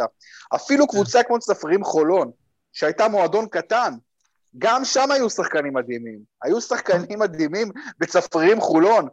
גיל כנל, הוא היה זה, היה נכון. משהו שם. הקפטן של קבוצת הנוער, קשר אחורי גרזן. וואלה, כן, אחד מרשימה מפוארת. עכשיו תראו משהו, בלגיה, קראתי על בלגיה לא מעט, כי בלגיה זו מדינה שמצמיחה כישרונות כדורגל בצורה בלתי פרופורציונלית לאוכלוסייה, זה משהו מטורף, איזה שחקנים בלגיה גידלה ב-10-20 שנה האחרונות. עכשיו אני הבנתי שמה, שקבוצות נוער, אקדמיות בבלגיה, מועדונים גדולים, הם בכוונה מחפשים איך להקשות את החיים, בעיקר על מגרש הכדורגל, לשחקנים שגדלים. כלומר, הם ברוב הימים רוצים שהילדים יתאמנו על מגרשי, על מגרשי אבנים וחצץ ולא על מגרשי דשא, שישחקו בעיכול, מגרש עם עליות, ירידות, חול, דשא, אה, אה, דשא אה, חצץ, הכל, כי הם טוענים שזה הכדורגל שכונה של פעם, שהוא בסוף מפתח כדורגלנים יותר טובים, והם רוצים את השילוב הזה, שהילד הקטן כבר ידע להתמודד עם תנאי שטח קשים, כי הם אומרים זה יבנה אותו יותר טוב כשחקן כדורגל. אז אתה רואה, זה בדיוק, מה ש... זה בדיוק מה שאמרתי לך. צריך לקחת לפעמים... כן. כ... כן, סליחה שאני... אני אומר, ולא כן. סתם, במשך שנים, כן, אני רק אסיים, לא כן, סתם כן. במשך שנים ועשורים, השחקנים הכי טובים בעולם הגיעו מהמקומות הכי עניים בעולם, מהתשתיות הכי גרועות בעולם. זה לא סתם. לא סתם מוחמד סאלח, מוחמד סאלח בעיניי השחקן היום, כיום הכי טוב בעולם, גדל בכפר קטן ועני שלוש שעות מקהיר, היה צריך לנסוע כל יום כמה שעות באוטובוס הלוך וחזור, להתאמן באיזה מועדון לא הכי גדול בקהיר, בתנאים קשים, זה בנה לו אופי, וזה בנה לו יכולת, כשאתה מוסיף ביחד על הכישרון המולד המטורף שלו, אבל כישרון זה לא מספיק, כישרון מולד יש לה הרבה. אבל אני אומר, אה, סעדיו מאנה מליברפול גדל בכפר קטן בסנגל, לא עלינו, אנחנו לא יודעים בכלל איזה תנאי חיים נוראים יש שם, נוראים. לא היה לו נעליים עד גיל 15, נעליים לא היה לו, וגדל שחקן ענק. אז התנאים הקשים לפעמים, לא סתם שהם לא מקשים, לפעמים הם אפילו עוזרים. אז יש פה אבל, אבל זה הולך לשני הכיוונים, אני רק אסיים, שנייה. אבל אין ספק, מה שאני אומר, אני לא רוצה לצייר אה, אה, מציאות של סינדרלה. לא מעט פעמים התנאים הקשים מחסלים שחקנים, ואין כסף, ומוותרים על כדורגל כישרונות מדהימים בגיל 13, כי לאימא לא היה כסף לשלוח. גם זה קורה. אבל אני אומר, צריך להיות מודע לשני האספקטים, לשני הכיוונים של עוני, שלפעמים יכול לבוא לטובתך, ולפעמים יכול לבוא לרעתך. כן, זה בדיוק, זה בדיוק העניין, כי לפעמים אנחנו אומרים, אוקיי, אין פה, אין פה מספיק תשתיות, אין פה מספיק מגרשים, ואין פה מספיק ככה וככה, ואז אנחנו אומרים, אבל הם בעצם לא משחקים מספיק בשכונות, ואז בכלל אתה רואה שבעצם יש עלייה בכמות, ה, בכמות השחקנים הרשומים בהתאחדות לכדורגל, אז אולי זה, זה גם נובע, מ, זה גם כאילו נובע מזה ש... יודע, פחות שחקנים משחקים בשכונות, יותר, משח, יותר משחקים כן במסגרות הקבוצתיות, אבל כאן זה נכון. בעיניי לפחות קם ונופל על רמת אימון. אתה יודע, בסופו של דבר... אז, אז, אז בוא, בוא, אה, יוסי, בוא, בוא, אתה תספר כן. על הקורס אימון בווינגייט, בהתאחדות, זאת אומרת, זה, זה משהו שאני מכיר אותו כ, כדי בסיסי, כי אני מדבר איתך על, על קורס אה, מדריכי כדורגל לנוער, אז... ועזוב שיש הרבה שמכסתחים את זה פה היום, והרבה מאמנים שעובדים בלי רישיון, ו... כן. זאת אומרת, אתה, אתה רואה כאילו מאמנים ש... שאני גם לא מאשים אותם, זאת אומרת, הם גם צריכים לעבוד בעוד עבודה, הם לא מתפרנסים מזה. אז, אז בסופו של דבר רמת האימון אה, ברוב המקומות, אתה יודע, במקומות שהם לא ה top, אתה יודע, המועדונים שאנחנו כולם מכירים ויודעים שהם מייצרים שחקנים, אה, אבל ביותר מדי מועדונים, רמת האימון היא לא טובה. זה בעיניי, זה בעיניי, אתה צודק לחלוטין, ואני מקשר את זה בסופו של דבר, אה, כי אם אנחנו עושים, אה, אם אנחנו חושבים על הסיבה לא, העיקרית, כן. רמת, רמת האימון, רמת, רמת, רמת המאמנים ומספר המאמנים. נכון. מספר המאמנים אבל למה, אתם מבינים בזה, אתם מבינים בזה הרבה יותר טוב ממני במאמנים במחלקות נוער.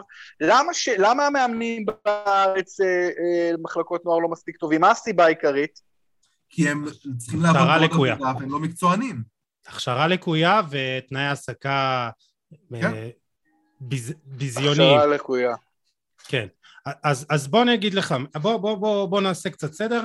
דיברנו אה, קודם כל על מתקנים, ואני מסכים שהמתקנים אה, זה אולי הסיב, אחת הסיבות הפחות אה, קריטיות לפיתוח של שחקן.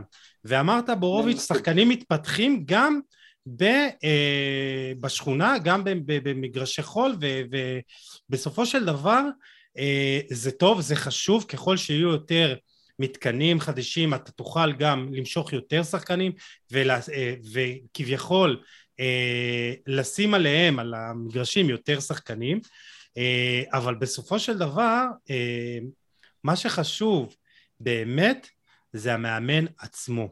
והמאמן עצמו זה לא משנה עם כמה שחק... עם, אה, עם אה, איזה מגרש הוא אה, יאמן, איזה גודל מגרש יהיה לו,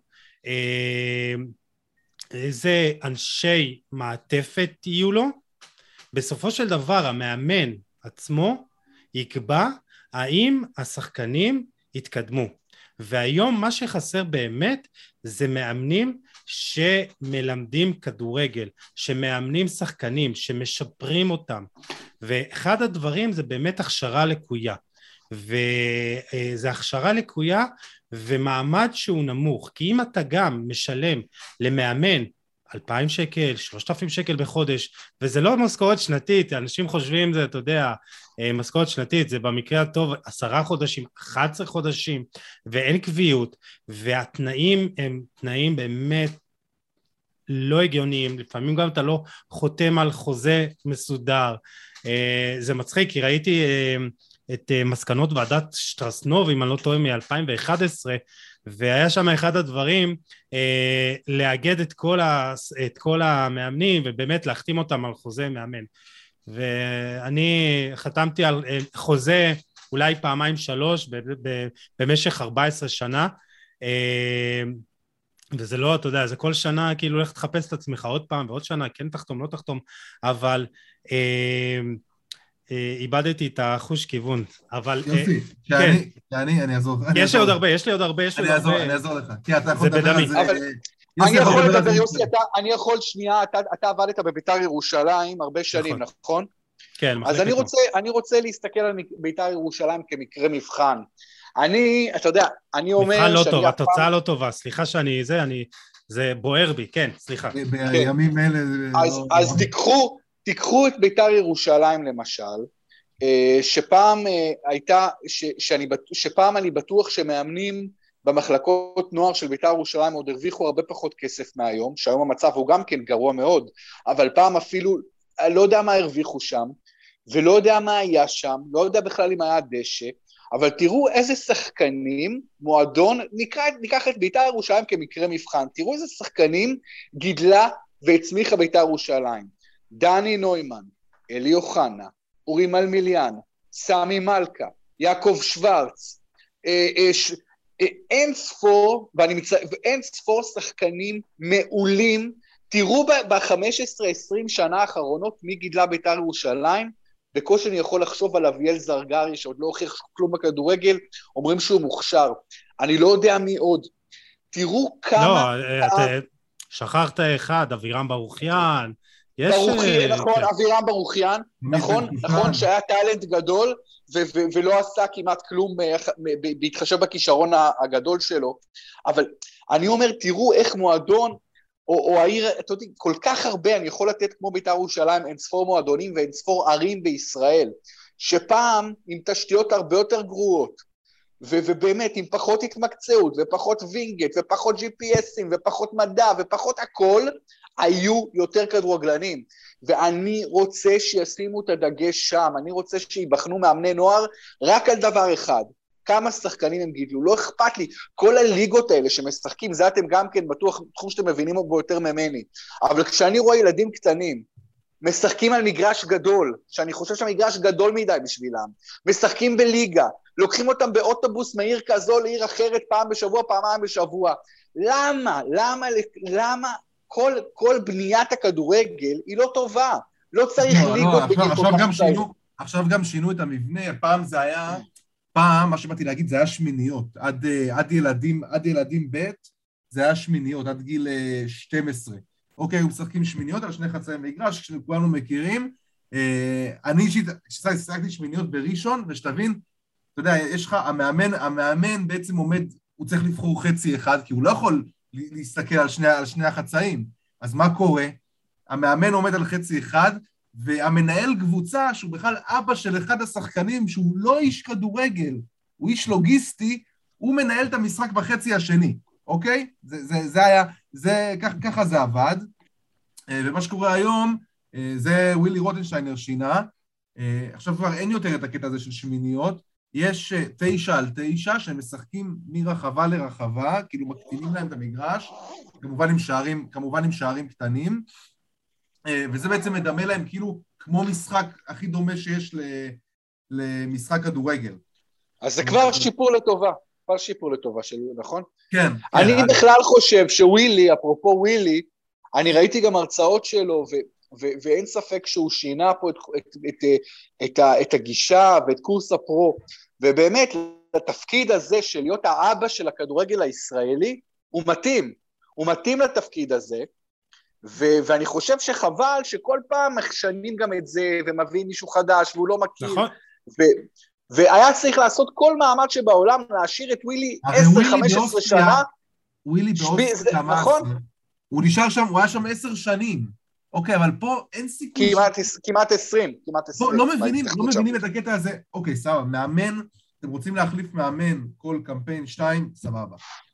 מנהל מקצועי, זה מישהו שאתה לא מודד את העבודה שלו בתוך לא, ב- שנתיים או ארבע, אתה מודד את העבודה שלו מינימום שש, שמונה, עשר שנים, כדי לראות באמת לאן זה הולך. אני נפגשתי, אני נפגשתי לאחרונה עם צחי תייר, הוא מאמן נבחרת הנערות בווינגייט. אגב, עושים פרויקט מעולה, מדהים, בווינגייט לנערות, 20 ילדות בנות 14-15 שחיות בווינגייט, לומדות, בבתי ספר שם הכל, בנבחרת הנערות. עשיתי כתבה אצלנו בכאן 11 על שלוש אתיופיות מאוד מאוד מוכשרות. אז צחי תייר בדיוק חזר לפני חודש מהשתלמות בוויה ריאל במחלקת הנוער, בנים ובנות. והוא אומר לי, אתה יודע מה הדבר שהכי הדהים אותי שם? אומר, כל המאמנים שם הם כמו משפחה, הכי מעט זמן עובד מישהו שמונה שנים, הכי הרבה 25 שנה. אומר, זה אנשים שכל החיים שלהם, כל החיים שלהם, רק מגדלים כדורגלנים צעירים וכדורגלנות צעירות. אומר, אתה מכיר אותם ברמת המשפחה, הם עובדים ביחד כמו צוות שנים על גבי שנים, ולכן ויה ריאל מצמיחה כישרונות. אומר, בארץ אין לנו משהו דומה לזה בכלל. אומר, פה כל מאמן של ילדים קטנים רוצה להיות מאמן של בוגרים, רוצה להתקדם, זה עוזב כל זה שנה. אומר, שם הם עובדים כל החיים שלהם, והם מקצוענים בלגדל, ב, בלטפח כדורגלנים, זה המקצוע שלהם.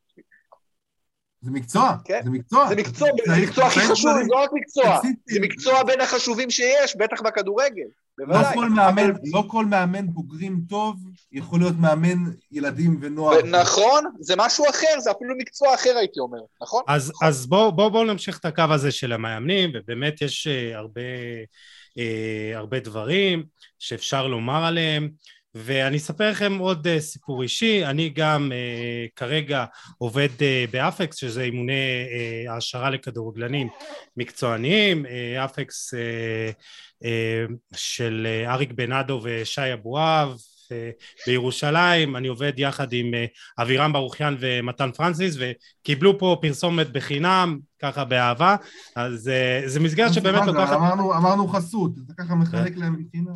ראית? לא, אבל זה שמישהו, זה שמישהו שכמו כמו אבירם ברוכיאן ואריק בנאדו, ואתה כמובן ביחד איתם, זה שפרסונות כאלה מגדלים את הדור הבא, זה דבר נהדר, זה כבר דבר טוב.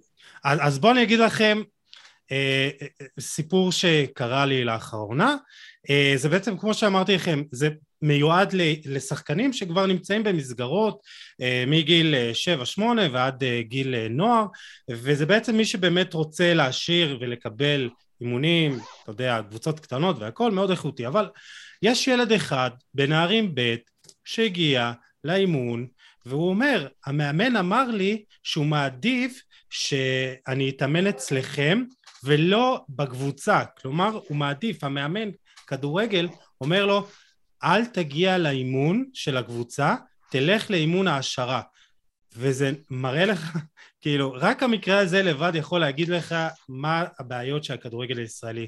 ודיברנו על מאמנים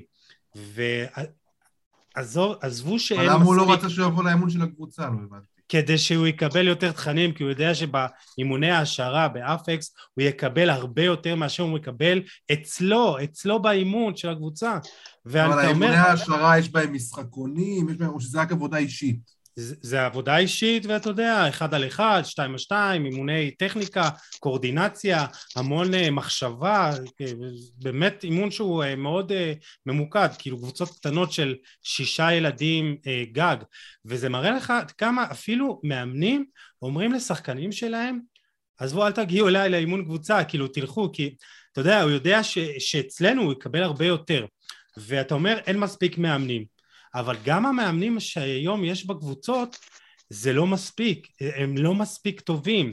ומדברים על, על קורסי המאמנים ועל ההכשרות שיש וההשתלמויות שיש ואני מדבר עם מאמנים שהולכים להשתלמויות של איגוד המאמנים והרמה המקצועית שמה אולי לא הכי גבוהה והתכנים שמגיעים ונותנים להם שם וההתנהלות שקורית שם, ואתה אומר, אלה המאמנים שצריכים לגדל את הילדים שלנו.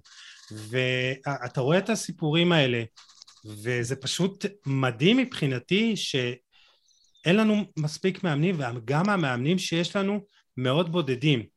ואתה יודע, בסופו של דבר אמרתי לכם שמאמן טוב, אם הוא מספיק טוב, הוא יהיה כמו מאמן כושר, כמו אנליסט, כמו מאמן קורדינציה וכמו הכל. אה, וברגע שאין לך את המאמנים האלה, וזה רק בודדים, ובודדים שבאמת נותנים מעצמם הרבה יותר ממה שהם מקבלים בפועל, רק בודד, יש רק בודדים כאלה, ו- וזה חבל. אני חושב ש... אני חושב שדווקא... אני רוצה להאמין שהיום, אתה יודע, עם הקדמה ועם זה שאתה יודע, הכל פתוח, היום אתה יכול לראות אימונים של מנצ'סטר סיטי, של ברצלונה, של כולם, אתה יכול לראות כאילו ב... באינטרנט, הכל פתוח לכולם. זאת אומרת, יש המון המון המון מאיפה ללמוד, זה כבר פחות, ה, אתה יודע, הדור הישן, אז כן, אתה יודע, מי שרוצה ללמוד ומי שרוצה לדעת ולקבל כלים, אה, ויש יש לנו המון אנשים שאוהבים כדורגל במדינה. יש לנו הרבה אנשים שהולכים, אה, פשוט צריכים, צריכים לקבל את, ה, את הידע הזה, שהוא לא תמיד נרכש בקורסים עצמם, לפעמים זה המון עבודה של המאמן, של המאמן לפני עצמו, לנסוע, לראות השתלמויות, לראות אימונים, לשמוע הרצאות של מאמנים. אני חושב שאם באמת המאמנים פה ירצו להשתפר, ירצו לבוא יותר ללמד כדורגל, ולא רק לבוא ללמד אה, טקטיקה ואיך לעמוד על המגרש ואיך להביא תוצאה, למרות שתוצאה זה כן חשוב, אני לא אומר שזה לא חשוב, אני לא מבטל לגמרי את הקטע של תוצאה, כי בסופו של דבר הילד צריך להבין, אם, אם, הוא, כל הזמן יפסיד, מה זה המאמן הזה, כאילו, מה הוא מלמד אותי, אתה מבין? אז נכון, כן צריך נכון. תוצאה, אבל זה צריך לבוא בשילוב של אה, ללמד כדורגל, בשילוב של... אה, ואני חושב שכן היום, אתה יודע, יש לך, שוב, אמרתי כבר, יש לך המון כלים וסטטיסטיקות וסרטים, ו... הכל בשביל, יש לך את כל הכלים בשביל לדעת. אז, אז צריך לשפר את רמת המאמנים, את, מס, את כמות המאמנים, אה, ויש עוד כמה דברים קטנים שבאמת לא נכנסנו אליהם, ואם אנחנו באמת אה, מסתכלים על, על צוות מקצועי, אז אמרתי, נכון, זה חשוב שיהיה מאמן אחד, ואם זה לא משנה, אם אין לו אמצעים ואין לו משאבים ואין לו אנשים שעוזרים לו, ברגע שהוא מספיק אה, בעל מוטיבציה אז הוא גם יביא והוא ידאג והוא יבקש טובה ודברים כאלה אז הוא כן, הוא כן ילמד. זה הרבה תלוי במאמן עצמו זה מה שמבאס אבל אתה יודע אנחנו מדברים הרבה אנשים בסקר הזה אה, דיברו על חוסר באנשי מעטפת. ומאמן אה, קבוצת נוער סיפר לי בשנה האחרונה שקבוצה בכירה. שהיה לו עוזר באיזה חצי משרה מאמן שוערים שלא מגיע למשחקים בשבת, אה, מאמן כושר באמת לא מלווה אותו באופן קבוע פעם, פעמיים בשבוע, אנליסט כזה במקרה הטוב, קצת עוזר לו, פיזיותרפיסט שבא פעם או פעמיים בשבוע. ואתה אומר בואנה זה מאמן של קבוצת נוער בכירה ואין לו, לו את המעטפת הזאת. ואתה אומר איך, איך אנחנו מגדלים פה ספורטאים טובים? איך אנחנו מקדמים אותם? כאילו כמה שגם המאמן יהיה טוב, הוא צריך את העזרה הזאת, אבל הוא לא יכול להיות עם 20-25 שחקנים ולתת להם את כל מה שהם צריכים, ואנחנו רואים אה, למשל אה, אדם דיוויד עכשיו, האנליסט אה, הראשי של מכבי חיפה נמצא ב... ב בפורטוגל ואתם מוזמנים באמת לעקוב אחריו. כרגע הוא נמצא בסיור מדהים באקדמיות והוא מדבר באמת על עבודה, על כמות המאמנים שנמצאים על הדשא במהלך אימון. וכל מאמן יש לו את האחריות שלו והוא באמת מסתכל בצורה מאוד מאוד מאוד אה, ממוקדת והשחקנים עובדים בהרמוניה ומקבלים המון תכנים ואתה אומר אין לנו את זה פה בישראל אין לנו. ורוב התקציבים הולכים בסופו של דבר לקבוצה זה, בוגרת זה הכל, זה ואנחנו מקבלים אבל גם ואנחנו מקבלים המחלקת נוער מקבלת פירורים וזה, אני, אומר, ברגע שגם תשקיע וגם תיתן לשחקנים אה, זה, אנחנו מדברים על שיקום, אה, דיברנו על, על קורל חזן והיא סיפרה במהלך אה, הפרק שאת השיקום היא עשתה לבד, כלומר היא נפצעה במסגרת של הנבחרת, במסגרת של, כאילו הייתה עדיין שייכת לקבוצה ואף אחד לא התייחס אליה, היא, לא, היא עשתה את השיקום לבד ו, וזה פשוט גם הרתיח אותי שהיא מקבל, כאילו היא נפצעת ואף אחד לא מתייחס אליה, גם ברמה האישית, המעש... אבל גם ברמה המעשית, כאילו, למי, למי היא צריכה לפנות, למי היא תלך, מה היא צריכה לעשות. ושחקנים היום לא מקבלים את זה וזה פשוט, אה, אתה יודע, אז מה אנחנו מצפים? אנחנו לא מגדלים פה כלום. השאלה אם, השאלה אם במקומות אחרים הם כן מקבלים את זה. זה מה שמעניין. כאילו, אם, אם אנחנו מדברים על אירופה, יואב, לא, שומעים אותך רע, שומעים אותך רע מאוד. אה, סליחה? כן. לא, שמעו אותך רע. אה, שומעים אותי רע? אוקיי. עכשיו, כן. עכשיו שומעים אותך טוב. אוקיי. לא, אני פשוט הקשבתי כל הזמן. הבנתי, סבבה. אז גיל. אני אומר שמעניין באמת לדעת, כאילו, איך זה באירופה. נגיד, אנחנו יודעים שב... ראיתי, עזוב, אנחנו חוזרים רגע לעניין המתקנים, נגיד בנורבגיה יש לך 600 אלף שחקנים רשומים. כן, אז נושא, נושא השחקנים, דיברנו על כמה שחקנים, אז בוא תגיד לנו גם כמה יש בישראל וכמה יש בנורבגיה למשל. זהו, אז, אז בישראל, אז uh, בישראל נכון ל... נכון ל, ממש ל-2021, יש 42 אלף כדורגלנים פעילים שמשחקים ב-1821 קבוצות, אוקיי? אה, כאילו כולל אה, נשים וילדים. אה, אז יש, יש עלייה, יש עלייה של בערך אלף כדורגלנים בכל שנה ממוצע. אוקיי? זה לא מספיק, זה כלום. כן, אבל, אבל בכל זאת, בכל זאת עלייה, אם אתה מסתכל פר אוכלוסייה, אבל שמע, אם אתה מסתכל על מקומות כמו נורבגיה, אז אמרנו, יש שם אשכרה 633,396 כדורגלנים רשומים, זה מטורף. יש להם 84 איצטדיונים עם מינימום של אלף מושבים, אוקיי? 1,600 מגרשים, 1,600 מגרשים סינתטיים. אה, תשמע, זה, זה, זה נתונים פסיכיים, במדינה יותר, קטנה מישראל, כאילו. חבר'ה, אני חושב ששכחנו לדבר, או עדיין לא הגענו, על נושא מאוד מאוד מאוד חשוב, והוא שאנחנו דיברנו עד עכשיו רק על כדורגל, אבל אי אפשר להפריד כדורגל מספורט, כדורגל זה ספורט. ומה נכון. שאתם עכשיו מעלים זה הנושא הכי חשוב. מספר נכון. הכדורגלנים הרשומים, מספר הספורטאים הפעילים. אתם נותנים את נורבגיה. נורבגיה היא מדינה שבה יש הכי הרבה מדליות מכל העולם באולימפיאדת חורף אחרונה. היא בכלל, הרבה לפני כדורגל, יש שם המון ענפי ספורט שאנחנו בכלל לא מכירים אותם, אבל שם הם ברמה העולמית הכי גבוהה, זה לפני הכדורגל. בדנמרק שראינו איזה בית ספר היא עושה לנו בכדורגל, ואיזה הישגים יש לה בכדורגל, ואיך היא מעפילה למונדיאל בנקל, וכמה שחקנים גדולים היא, היא גידלה, יש בערך מחצית התושבים מישראל, ושם בכלל הספורט הכי פופולרי זה לא כדורגל, זה כדוריד, הם אלופי העולם, מחזיקי, אלופ, מחזיק, אלופי המונדיאל לכדוריד, ויש שם 300 אלף שחקני כדוריד רשומים לפני כדורגל. עכשיו, אה, צריך להבין משהו לגבי אירופה, דיברתי על זה בהתחלה, על העניין העלות לשלוח ילד בישראל והגישה למשחק, לחוג כדורגל. באירופה כל הספורט, כולל הכדורגל, הרבה הרבה יותר מונגש לילדים, הרבה יותר זול לילדים, יש להם הרבה יותר פארקים והרבה יותר חוגי ספורט וכדורגל. אני גרתי שש שנים בארצות הברית, ואני ראיתי שם משהו מדהים, שאי אפשר, עד שאתה לא גר שם אתה לא תבין אותו.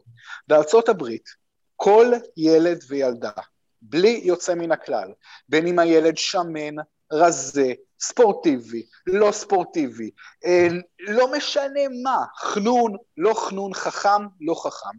כל ילד, כמעט כל ילד בארצות הברית הענקית עושה ספורט במסגרת מסודרת, כי ספורט זה חלק מחינוך, זה אפילו לא בחירה. אתה חייב לעשות איזשהו ספורט, כי כמו שאתה חייב ללכת לבית ספר. אז כל ילדה בארצות הברית עושה איזשהו ספורט. כל ילד עושה ספורט. ורבים רבים רבים עושות ועושים כדורגל. ובישראל, תבינו, אנחנו מפגרים בשנות דור אחרי העולם בקטע של החינוך הספורטיבי. זה, בקטע זה של להבין שכל כאילו, ילד כן. צריך לעסוק בספורט. אצלנו מיעוט מהילדים. תעשו את כל ילדי ישראל, כמה רשומים באגודות ספורט? תעשו אחוזים, זה אחוזים מאוד קטנים. ויותר מזה, יותר מזה אני אגיד לך, בורוביץ', יותר מזה אני אגיד לך, גם הילדים צריכים להתעסק בכמה ענפי ספורט, זה גם מוכח כבר שזה... בדיוק. את היכולת הקורטינטית. מיליון אחוז. הילדים שדוחפים אותם לשחק, נכון. דוחפים להם רק כדורגל מגיל שלוש, והם נוגעים רק בכדור, רק ברגליים, ולא פתאום זורקים לסל, או לא יודע, או פתאום עושים כדוריד, או ג'ודו, לא יודע מה. רוברט לבנדובסקי, אתה צודק מיליון אחוז, רוברט לבנדובסקי אולי החלוץ הכי טוב באירופה בשנים האחרונות. אני גדל ילד בפולין, מאוד מאוד מעורב ספורטיבית, ששיחק כדוריד יותר מכדורגל, וג'ודו יותר מכדורגל, אבא שלו בכלל היה שחקן כדוריד, ורכש את הקואורדינציה ואת המיומנויות בהרבה ענפים, כן. וזה הביא אותו בסוף באמריקה, כל ילד עושה כמה ענפי ספורט, ילד שהוא מוכשר בספורט, הוא לא עושה רק כדורסל, הוא עושה גם בייסבול, גם פוטבול, גם כדורגל, גם כדורסל, גם טניס, גם שחייה לפעמים.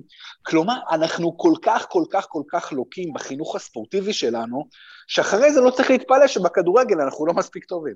אז זהו, אז זה באמת אחת אה, הסיבה ש, שבחרו בה הרבה, הכי הרבה אנשים בסקר שערכתי בדף ובטלגרם ובאמת כמעט 70 אחוזים בחרו בחינוך לקוי לערכים ספורטיביים וחברתיים ואנחנו, וזה זה, זה, זה הרבה דברים שהם מחוברים ביחד. א', זה חינוך ספורטיבי כמו שאמרתם, באמת אה, גם העיסוק בספורט, שיעורי הספורט בבתי הספר לא מספיק אה, איכותיים או, או לא מספיקים, ואתה יודע... יוסי, יש לך 45 דקות שיעור, ורק הוא רק, מקריא שמות 10 דקות. אבל זה לא קל, תקשיבו, אני עובד גם בבת...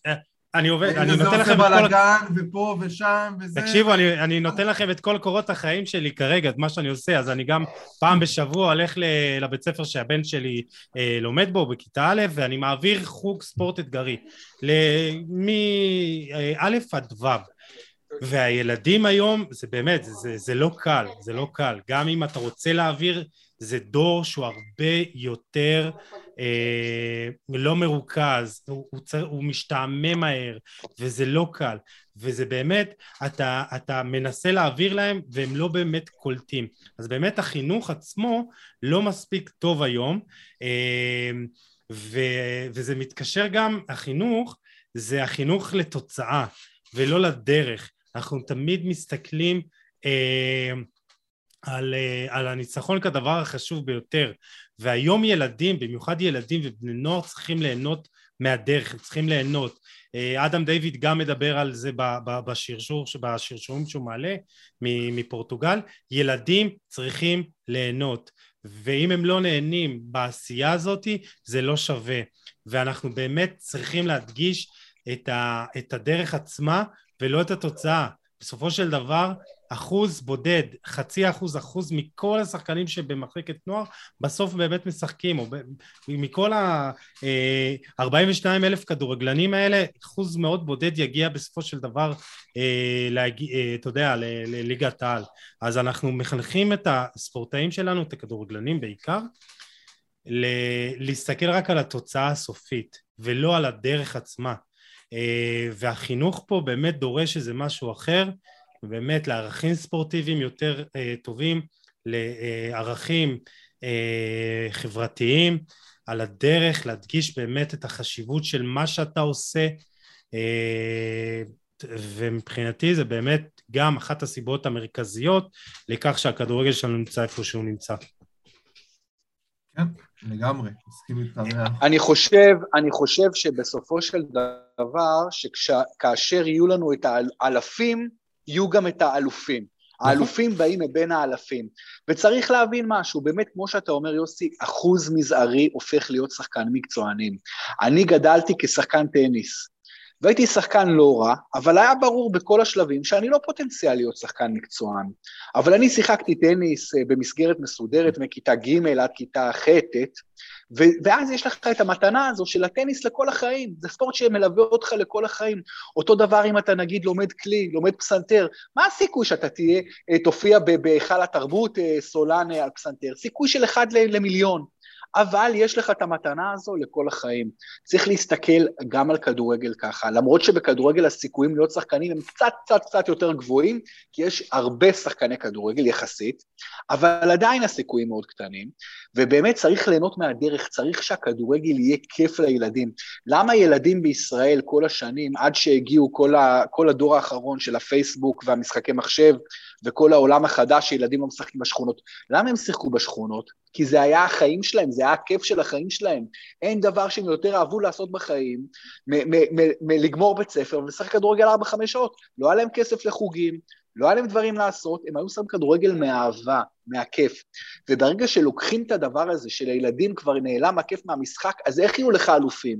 אז קודם כל צריך הרבה יותר ילדים שיהיו במסגרות כדורגל, הרבה יותר ילדות שיהיו במסגרות כדורגל, כדורגל זה ספורט מדהים לילדים, ובאמת צריך מהאלפים האלה בסוף גם יגיעו האלופים. זו, זו הדעה שלי. טוב, אה, אני חושב שנדבר על סיבה אחרונה, כי uh, בכל זאת זה נושא חשוב, וגם דיברנו על זה בורוביץ' uh, עוד לפני, זה בעצם הסיקור התקשורתי. ודיברנו על זה, אתה יודע, בעקיפין, שאנחנו שואלים את השאלות הנכונות ומתעסקים בטפל, אבל בתור אחד שאתה יודע, מסקר כדורגל כבר המון שנים ו- וספורט, אה, בוא תגיד לי מה תפקידה של התקשורת בישראל אה, בנושא, למה היא גם אחראית לכך שהכדורגל שלנו אה, נראה ככה? אני חושב שהחלק של התקשורת בכישלון, בואו בוא לא נכבס מילים ונגיד את הדברים כהווייתם. אנחנו עושים פה ניתוח של כישלון, נכון? אנחנו עושים ניתוח של מצב שהוא כישלוני, מצב לא טוב. אני חושב שהחלק של התקשורת בכישלון הוא חלק משמעותי. כיוון שתקשורת היא, היא, היא נגיד, תקשורת היא למשל, העיתונות אומרים עליה שהיא כלב השמירה של הדמוקרטיה, מתי אתם רואים פה את העיתונות ככלב השמירה של הכדורגל? היא אף פעם לא מתפקדת למעשה ככלב שמירה. מה התפקיד של כלב שמירה? להזהיר כל הזמן, להתריע, להראות פה מסוכן, פה לא טוב, פה לא טוב, פה לא טוב. התקשורת כדורגל לא עושה את זה. היא לא עושה את זה מכמה סיבות. קודם כל, אין לה את המשאבים לעשות את זה מספיק.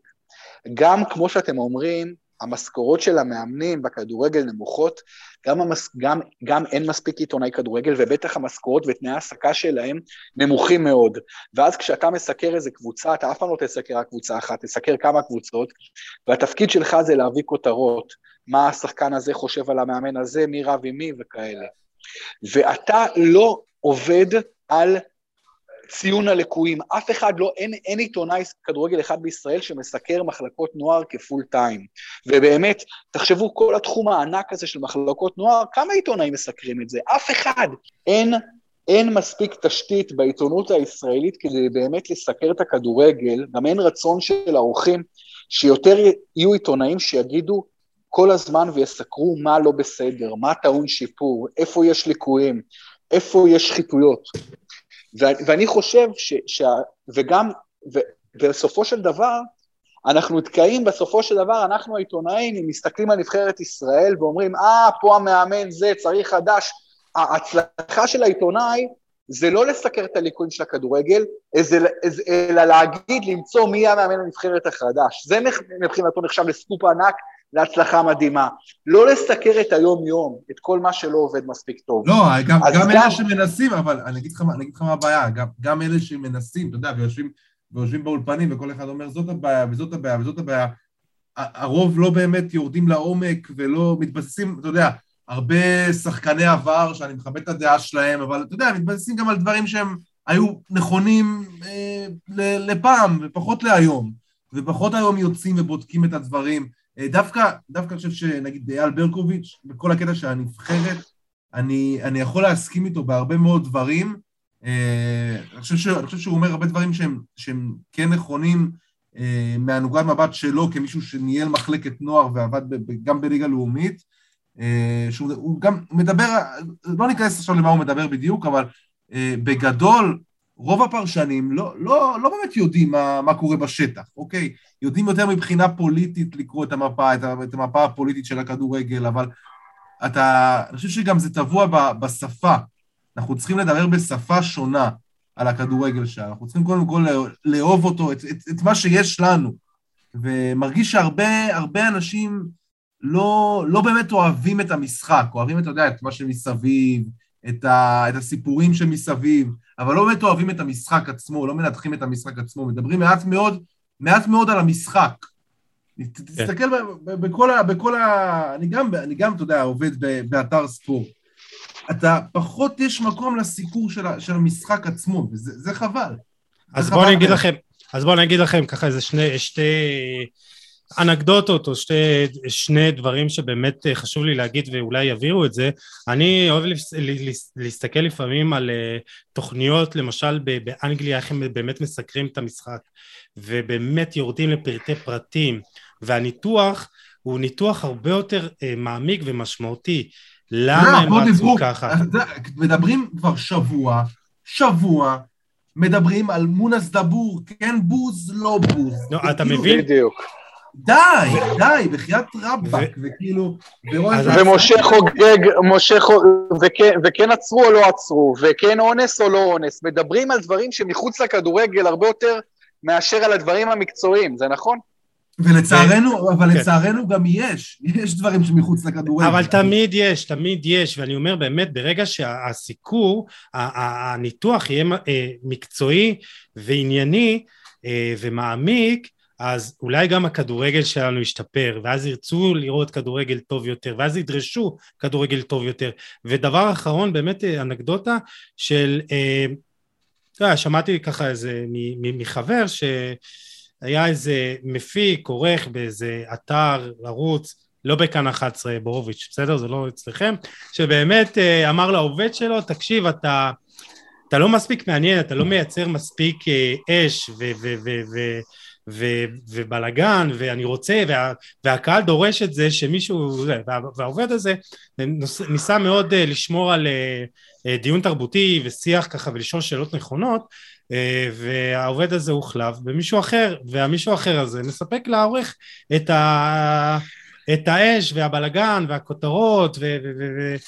ואתה יודע, ובסופו של דבר אם, אם אנחנו רוצים כדורגל טוב יותר, אז אולי אנחנו גם צריכים לסקר אותו בצורה הרבה יותר עניינית, אחראית, שקולה, שהשיח יהיה תרבותי יותר ואיכותי, ו...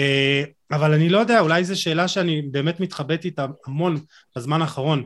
אולי פשוט זה לא מעניין אף אחד, ואולי כאילו הקהל דורש את הצהוב הזה, ואולי זה מוכר, ואולי זה מביא יותר פרסומות ויותר כסף, אז כאילו, אני, יודע, אני, רואה, אני דווקא רואה המון אנשים ברשתות, למשל, שכן, צו... אנשים רוצים תוכן איכותי. אנשים נכון, רוצים... אבל עדיין מה ששולט במדיה זה צהוב, זה להרים את הכל, זה כותרות, זה להתעסק כל הזמן בטפל. זה האסקפיזם, ועל זה בנוי התקשורת. כן.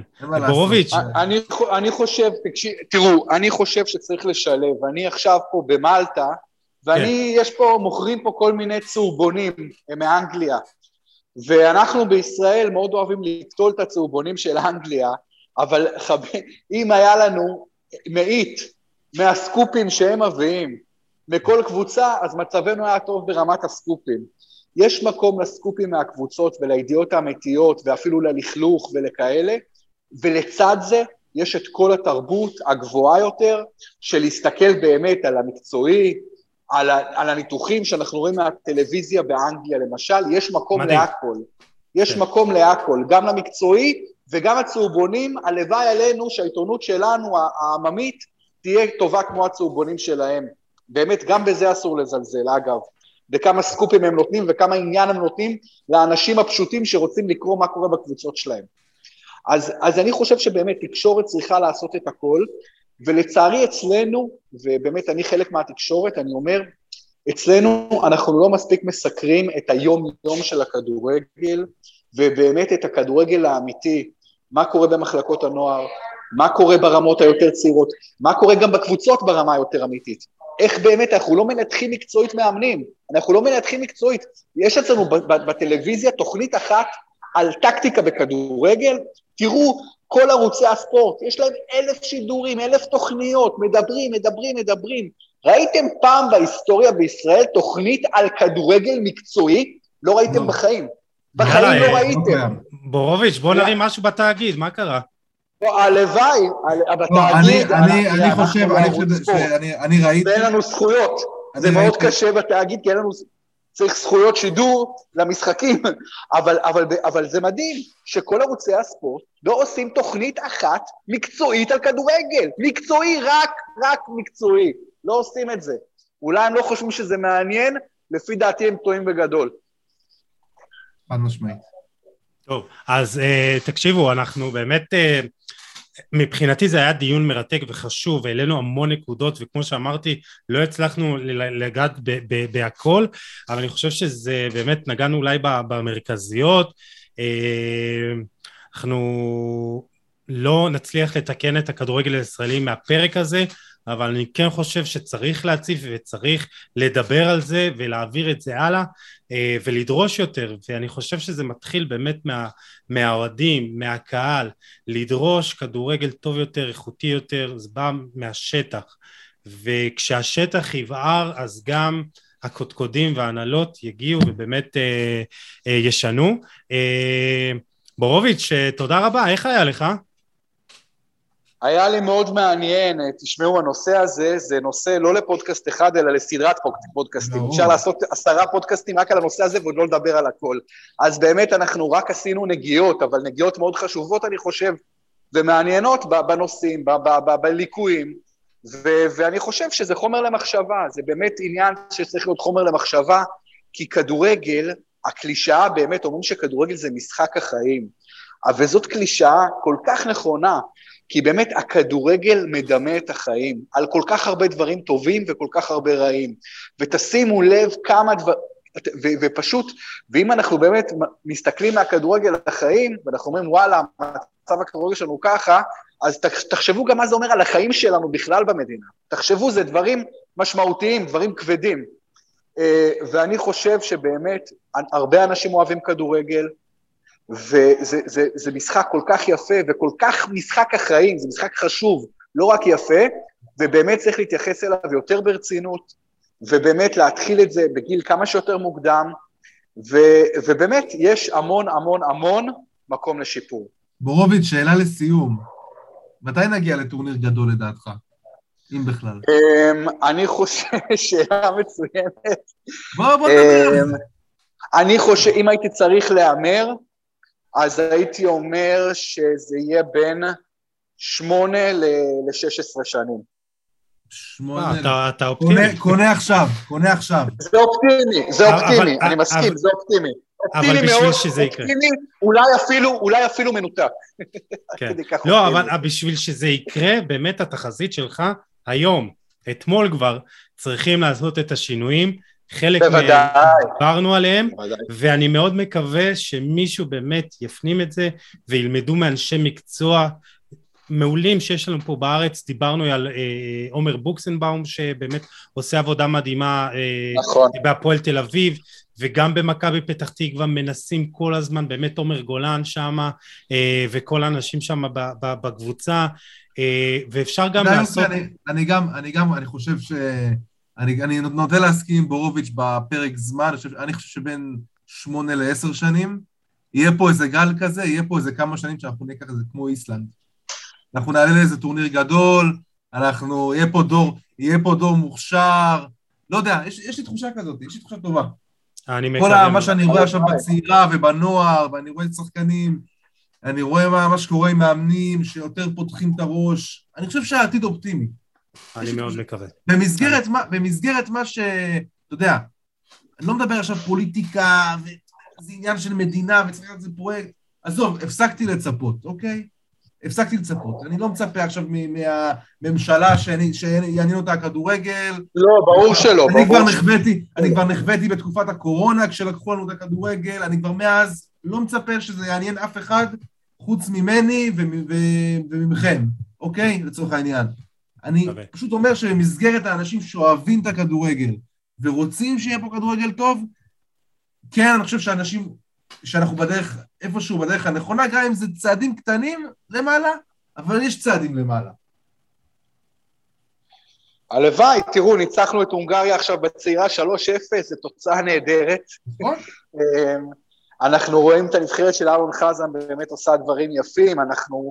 אבל באמת, אה, אני צריך, אסור גם לשכוח, אבל חברים, אם רוצים להיות מציאותיים, שגם העולם כל הזמן מתקדם. לא רק אנחנו, גם אם אנחנו נכון, נתקדם, נכון, הכדורגל אנחנו העולמי צריכים טס להתקדם קדימה. יותר מהעולם, לא מספיק להתקדם, אתה צריך להתקדם יותר מהיריבים שלך כדי להשתפר. אני, אתה מבין? יותר, יותר ממה שאנשים חושבים שהלכנו אחורה, אני חושב שיותר עמדנו במקום וכל השאר טסו קדימה. נו, זה מה ש... כן, זה מה כן. שבאמת כן. אמרנו במהלך הפרק. חברים, באמת אפשר להמשיך לדבר, וזה נושא, נושא שרצינו להקדיש לו שעה, שעה ועשר דקות, ואנחנו פה לקראת כבר שעה וחצי, אז אני באמת... נעצור פה ואולי גם נעשה המשך, בורוביץ', גם על זה וגם על נושאים אחרים. אני תמיד, קודם כל היה לי ממש ממש כיף, ואני חושב שכל הכבוד שאתם מעלים כאלה נושאים חשובים, ועושים את זה לא רק השבוע הזה, ואני אשמח תמיד להתארח. תודה, ממש המון המון תודה. אנחנו נשמח שאתה תבוא. כן. כן, נשמח. Uh, טוב, אז אנחנו ניפרד מהמאזינים. Uh, באמת, uh, תודה לכם. רוצה להזכיר לכם שמי שבאמת uh, רוצה לפרסם את העסק שלו פה, מוזמן לדבר איתנו, ואל תשכחו את ערב הצפייה. בשבוע הבא אנחנו חושפים מה בדיוק, מה, למה וכמה ומתי. Uh, אז uh, תודה, uh, יואב בורוביץ', כאן 11, תודה גיל כנל, וואן. וחולה על כדורגל הפודקאסט. אני יוסי עדני, היה לנו לעונג, באמת, אה, אה, שהייתם איתנו בפרק הזה, מאוד חשוב. אתם מוזמנים לשתף, לתייג ולהאיר את עינינו. אה, אנחנו ניפגש בפרק הבא עם עוד תוכן מעניין ואיכותי, תשמרו על עצמכם, יאללה, ביי.